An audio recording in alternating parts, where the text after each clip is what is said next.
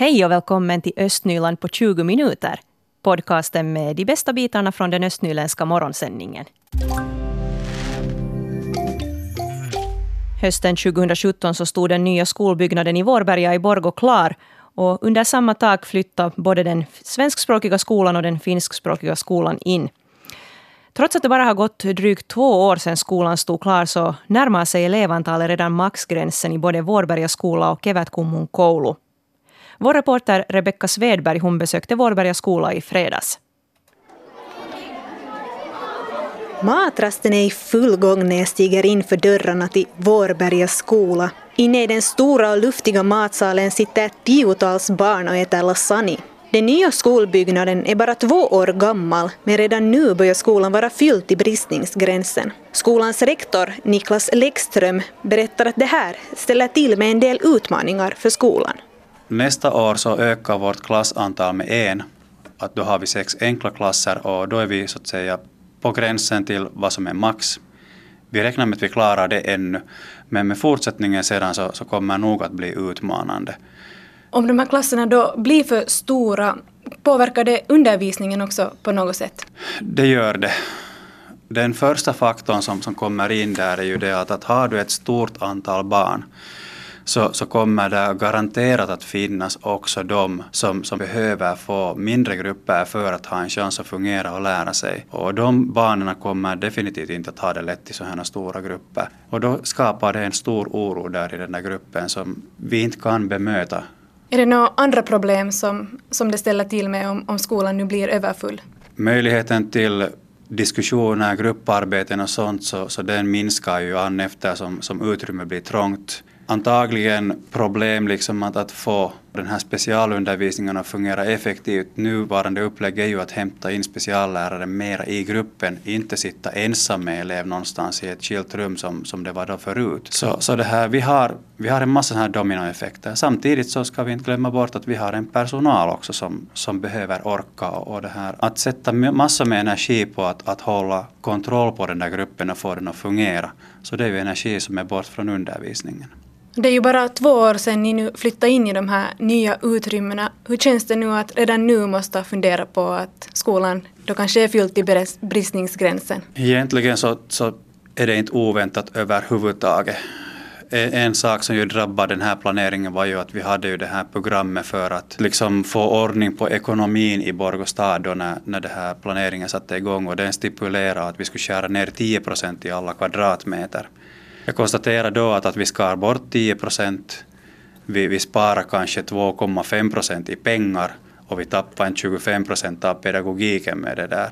Så, så jag var inte nöjd med det då, jag är inte nöjd med det idag. Ett, ett liksom problem är ju att, att när det liksom från lokalitetsledningens sida planeras och görs de här så går man efter statliga eller kommunala medeltal vad det gäller klasser och, och elevstorlekar. Och nu vet vi ju att de här varierar jättemycket beroende på var i kommunen du är. Och Vårberga här så sitter bredvid ett så här stort tillväxtområde i och med att vi har Skaftkärr här. Så, så det här, den biten är inte beaktad här överhuvudtaget. No, men hur kommer ni nu då här i, i skolan att försöka förbereda er på att, att få fler elever i framtiden? No, egentligen så försöker vi förbereda oss på att det här få någon sorts ramar för var och hur gör vi för att vi inte ska hamna i en situation där vi har 160 barn i en, en, en skola som är planerad för 120. Och den processen är satt igång redan. Eh, sektionen har behandlat ärendet här under hösten och, och konstaterades på det mötet att vi fixar nästa läsår men vi behöver få en del lösningar kring hur vi gör det här i framtiden. Egentligen enbart det att, att det här, just nu så, så får, känns det beklämmande att som, som rektor här i centrumområdet liksom får läsa kommentarer om att det går att stänga byskolor och flytta barnen in till centrum för det finns utrymme i centrum. Och, och då sitter jag här och, och sitter med ett dilemma att vad ska jag göra med mitt elevantal för det är för stort att jag skulle gärna kanske då flytta en del av det här ut på landsbygden igen tillbaka eller någonstans. Men, men det här, jag har problem med att jag får inte in alla de som, som finns i eget ut område ens. Lite så här konstigt känns det liksom att läsa emellan kommentarer om, om skolnätet och sen liksom inte hitta den där kopplingen till min vardag överhuvudtaget. Och det konstaterar här Niklas Läckström som är rektor för Vårberga skola i Borgå. Hur är det möjligt att en så här pass ny skola redan är full? Det frågar vi utbildningsdirektör Rickard Lindström vid Borgå stad. No, elevantalet går förstås lite upp och lite ner emellanåt. Att det här, nu visar det några år framåt som att det skulle vara mera, mera elever än, än vad skolan är planerad för. Vad ska nu staden då göra för att det här elevantalet inte ska överstigas? No, så där enkelt i mitt huvud tänker jag att det finns tre alternativ. Med, med glimten i ögat och kanske lite överdrivet så är ett alternativ att man i alla fall har de här barnen där och ser hur man får det att gå ihop. Ett annat är att man flyttar ut elever därifrån och, och kanske jag då tänker närmast att det är de här äldre eleverna, de, de klasserna som man kan fundera att finns det, finns det alternativ för femman, sexan att vara någonstans annars. Och det tredje är att man ändrar på elevupptagningsområdet så att, att det här, de, de, de liksom elever som hänvisas till Vårbergs skola i framtiden så, så blir färre än idag. Och när blir det aktuellt att fundera vilket av de här alternativen som skulle vara det bästa? Ja, vi har egentligen inlett det här redan med sektionen, om jag nu minns rätt, så har vi haft det så här för kännedom och de har gett det som uppdrag åt oss att fortsätta därifrån. En vild gissning är att det, det liksom bästa alternativet att se över elevupptagningsområdet men att, att så här i beredningsskedet så är förstås alla tre alternativ ännu med men att, att det här nu tror jag liksom att vi alla är överens om att det klokaste alternativet i det här skedet är att se att vad kan vi göra för ändringar i, i elevupptagningsområdet så att vi får ett lämpligt elevantal i Vårberga och så ser vi åt vilket håll vi utvidgar elevupptagningsområdet åt något annat håll, att blir det mot Nya Strömborska skolan eller mot Kvarnbacken eller rör vi båda de områdena och får flera elever dit och färre elever till Vårberga. Mm. Men hur är det då med det här Skaftkärrområdet som håller på att utvecklas där?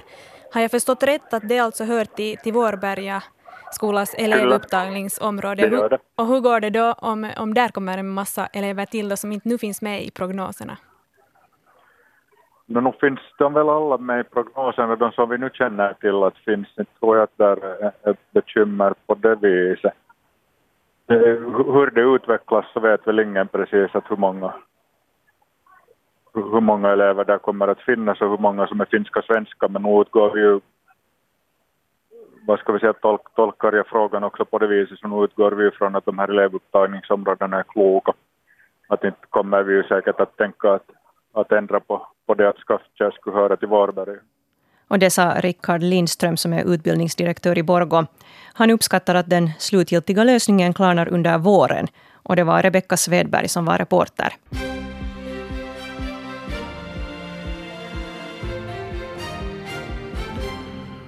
Klockan är halv nio. Det här är de regionala nyheterna med Stefan Härus. God morgon. Polisen har slutat utreda branden i Café Saltbodan i Lovisa. Officiellt är fallet trots allt ännu öppet eftersom åklagaren inte ännu behandlat ärendet. Restaurangen fick omfattande skador i en eldsvåda i augusti i fjol. Branden började på baksidan av huset men orsaken förblir ett mysterium. Polisen har inte kunnat påvisa att det skulle ha varit en olyckshändelse men inte heller kunnat utesluta att någon skulle ha anlagt branden. Just nu renoveras Café Saltbodan och företagaren hoppas på att åtminstone delvis kunna öppna verksamheten till sommaren. Räddningsverket fick i natt vid ett-tiden larm om en brand på Bergtrollsvägen i Haikko i Borgo. Ett småhus hade fattat eld och räddningsverket ryckte ut med åtta enheter. En knapp timme senare var branden släckt. Branden hade börjat i husets brasrum. Eftersläckningsarbetet och röjningen av brandplatsen pågick ännu vid fyra tiden i morse. Brandorsaken är tills vidare okänd. Ingen skadades i branden. Så kan vi också berätta att Östnylands natur och miljöförening inte ännu har lyckats komma över något skogsparti för sitt pärluggleprojekt. Det här projektet körde igång för snart fyra år sedan och tanken är att försöka komma över ett skogsparti i Östnyland ännu i år. Föreningens nyvalda ordförande Jyrki Ikonen säger i ett pressmeddelande att projektet är ett gemensamt projekt som drivs tillsammans med Stiftelsen för naturarvet. Beskyddare för projektet är minister Kai Bärlund från Borgo. Och ett par sportnotiser. Borgo Akilles bandyherrar vann över Helsingfors IFK på bortaplan under veckoslutet. Matchen slutade 1-7. Två matcher i grundserien återstår för Akilles och om de vinner de båda placerar sig Borgolaget som etta i grundserien. I Finlandsserien i ishockey vann Borgolaget Hunters veckoslutets båda bortamatcher. Den första mot JHT från Kalajoki vann Hunters med 2-5 och den andra mot D-Kiekko från Jyväskylä vann Hunters med 0-5.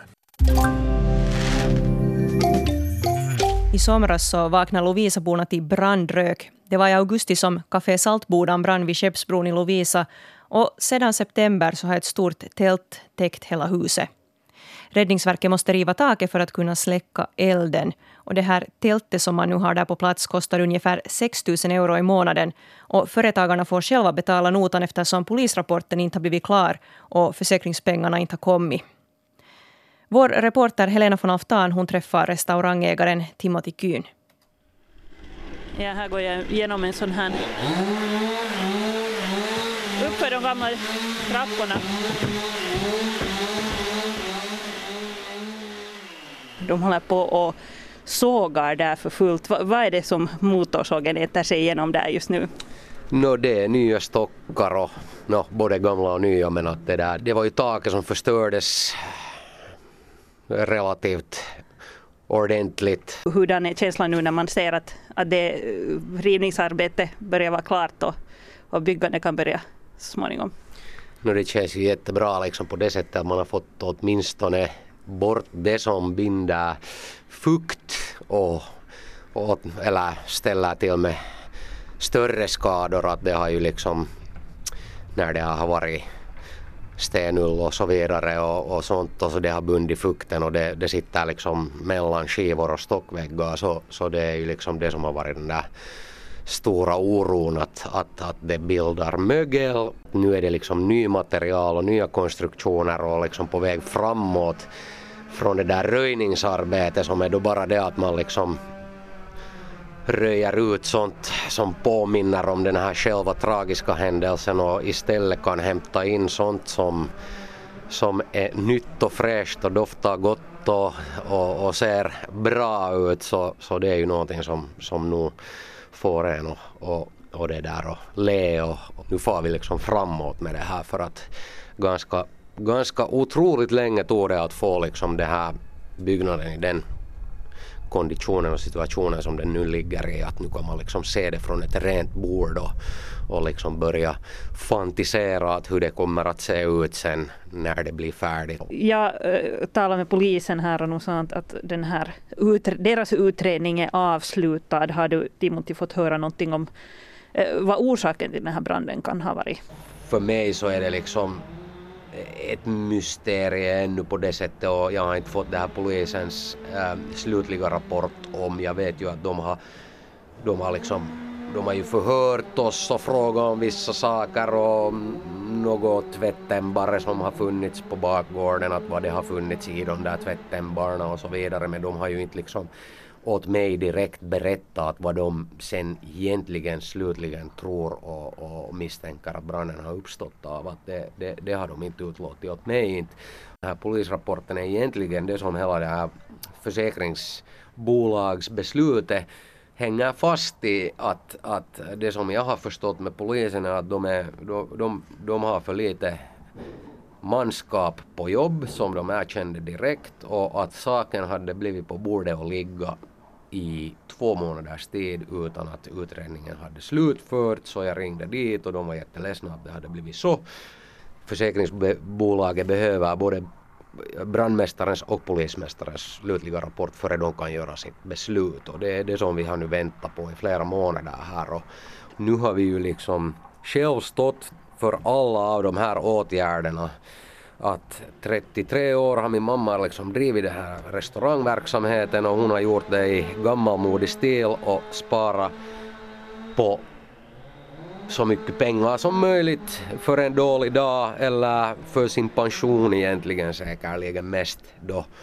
Och det där och nu har vi då hamnat använda upp all, alla dessa liksom kontanter för att åtgärda både det att vi får liksom allt det här utrivet som, som, som åstadkommer mera, mera vad heter det, harm och, och, och skada för byggnaden. Och sen är det ju de facto e, ett stort problem med det här väderskyddet som skyddar byggnaden men som kostar cirka 6 000 euro i månaden. Så den äter upp ganska mycket pengar utan att göra någonting progressivt annat än, än att skydda byggnaden så att liksom det är en eh, löpande kostnad som vi tycker att vi måste få kapat av så snabbt som möjligt.